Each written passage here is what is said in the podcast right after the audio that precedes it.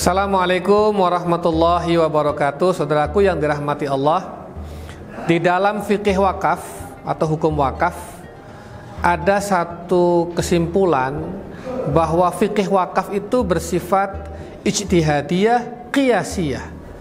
Ijtihadiyah qiyasiyah itu artinya bahwa Hukum-hukum wakaf didasarkan pada dalil-dalil yang tidak secara langsung berkaitan dengan wakaf Itulah yang disebut dengan istihadiyah, yaitu hasil istihad. Dan qiyasiyah karena tidak ada dalil yang langsung menunjuk pada hukum wakaf, maka dia dikiaskan kepada hukum-hukum lain yang bisa dijadikan sandaran. Itulah qiyasiyah, ijtihadiyah, qiyasiyah. Dalam perkembangan fikih kontemporer ada beberapa jenis turunan dari wakaf itu sendiri. Pertama, wakaf aset, wakful ayan. Contohnya adalah orang yang mewakafkan tanahnya, orang yang mewakafkan kendaraannya, orang yang mewakafkan rumahnya, dan harta-harta tak bergerak lainnya. Itulah yang disebut dengan wakaf aset.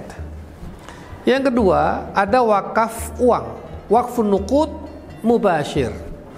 Yang ketiga, wakfun nukud ghairu mubashir, wakaf melalui uang. Apa bedanya antara wakaf uang dan wakaf melalui uang? Wakaf melalui uang, objek wakafnya bukan uang.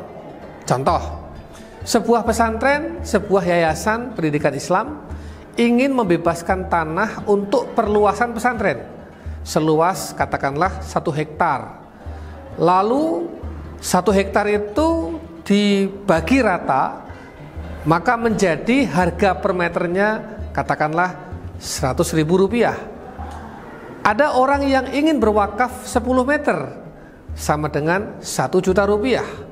Ada orang yang ingin berwakaf dengan 20 meter sama dengan 2 juta rupiah hingga mencapai 1 hektar e, luasnya. Maka wakaf 1 juta rupiah 10 meter 2 juta rupiah 20 meter melalui uang itu hakikatnya adalah wakaf melalui uang karena hakikatnya wakafnya berupa tanah, tetapi medianya adalah melalui uang. Berbeda dengan orang punya tanah, tanahnya diwakafkan. Itu adalah wakaf aset. Wakaf uang adalah wakaf yang objeknya uang. Maka dia harus bersifat produktif. Itulah yang disebut dengan wakaf produktif, wakaf uang, wakfun nukud mubashir. Oleh karena itu wakaf uang ini wakaf di satu sisi dan investasi usaha produktif di sisi yang lain. Ini adalah perkawinan antara wakaf dan investasi. Yang ketiga, ya atau yang keempat, wakaf manfaat, wakfu mana fiil a'yan, yaitu wakaf manfaat suatu benda. Contohnya adalah orang punya kos-kosan, punya rumah kontrakan, jumlahnya 10 kamar, 10 rumah. Lalu dia mengatakan dua kamar atau dua rumah ini saya wakafkan untuk mahasiswa yang kuliah di perguruan tinggi A, fakultas A misalnya, silahkan dipakai selama dua tahun, selama tiga tahun, selama lima tahun, silahkan rumah saya, kos-kosan saya ini dipakai tanpa biaya alias gratis dia mewakafkan manfaat dari rumah itu. Termasuk di antaranya ada orang yang silahkan pakai kendaraan saya untuk kepentingan pondok, kepentingan yayasan, kepentingan masjid selama lima tahun. Ya. Selama lima tahun masjid, yayasan itu memakai kendaraan itu, itu namanya wakaf manfaat. Kalau kendaraannya diberikan, namanya wakaf aset. Kalau dia memberikan uang dari hasil sewa kendaraan itu, itu namanya adalah wakaf melalui uang. Wakaf manfaat ini juga bisa berupa dana. Saya memiliki dana yang saya simpan, lalu saya pinjamkan. Silahkan dipakai dana ini untuk pembangunan masjid, untuk pembangunan madrasah, untuk yayasan, untuk pesantren. Nanti dikembalikan dengan jumlah yang sama, tanpa bagi hasil atau tanpa faidah. Itu namanya adalah wakaf manfaat. Yang kelima adalah wakaf profesi, wakaf manafiul abdan, yaitu orang yang mewakafkan manfaat dari badannya, profesi, dokter, notaris, uh, konsultan bisnis, uh, arsitektur, insinyur, ya, dan lain sebagainya. Dia bisa mewakafkan profesinya.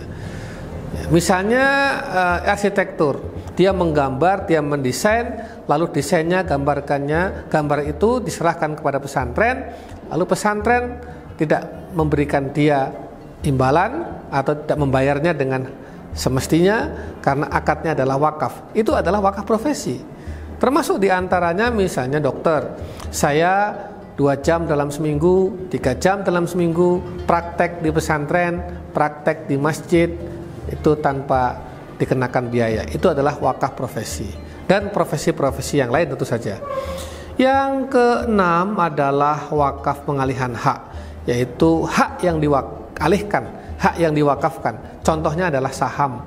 Orang yang mewakafkan saham perusahaannya, maka dia telah mewakafkan sebagian haknya.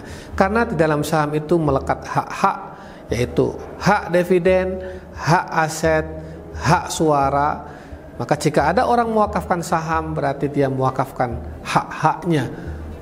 Apa yang ada dalam saham itulah hak-hak itu berpindah menjadi uh, aset wakaf. Inilah beberapa ragam wakaf yang kita kembangkan dan Apabila ini bisa dijadikan satu model pengembangan wakaf ke depan, saya kira akan banyak potensi-potensi yang bisa kita garap dalam tubuh umat ini sehingga kita bisa merancang masa depan peradaban secara lebih baik. Assalamualaikum warahmatullahi wabarakatuh.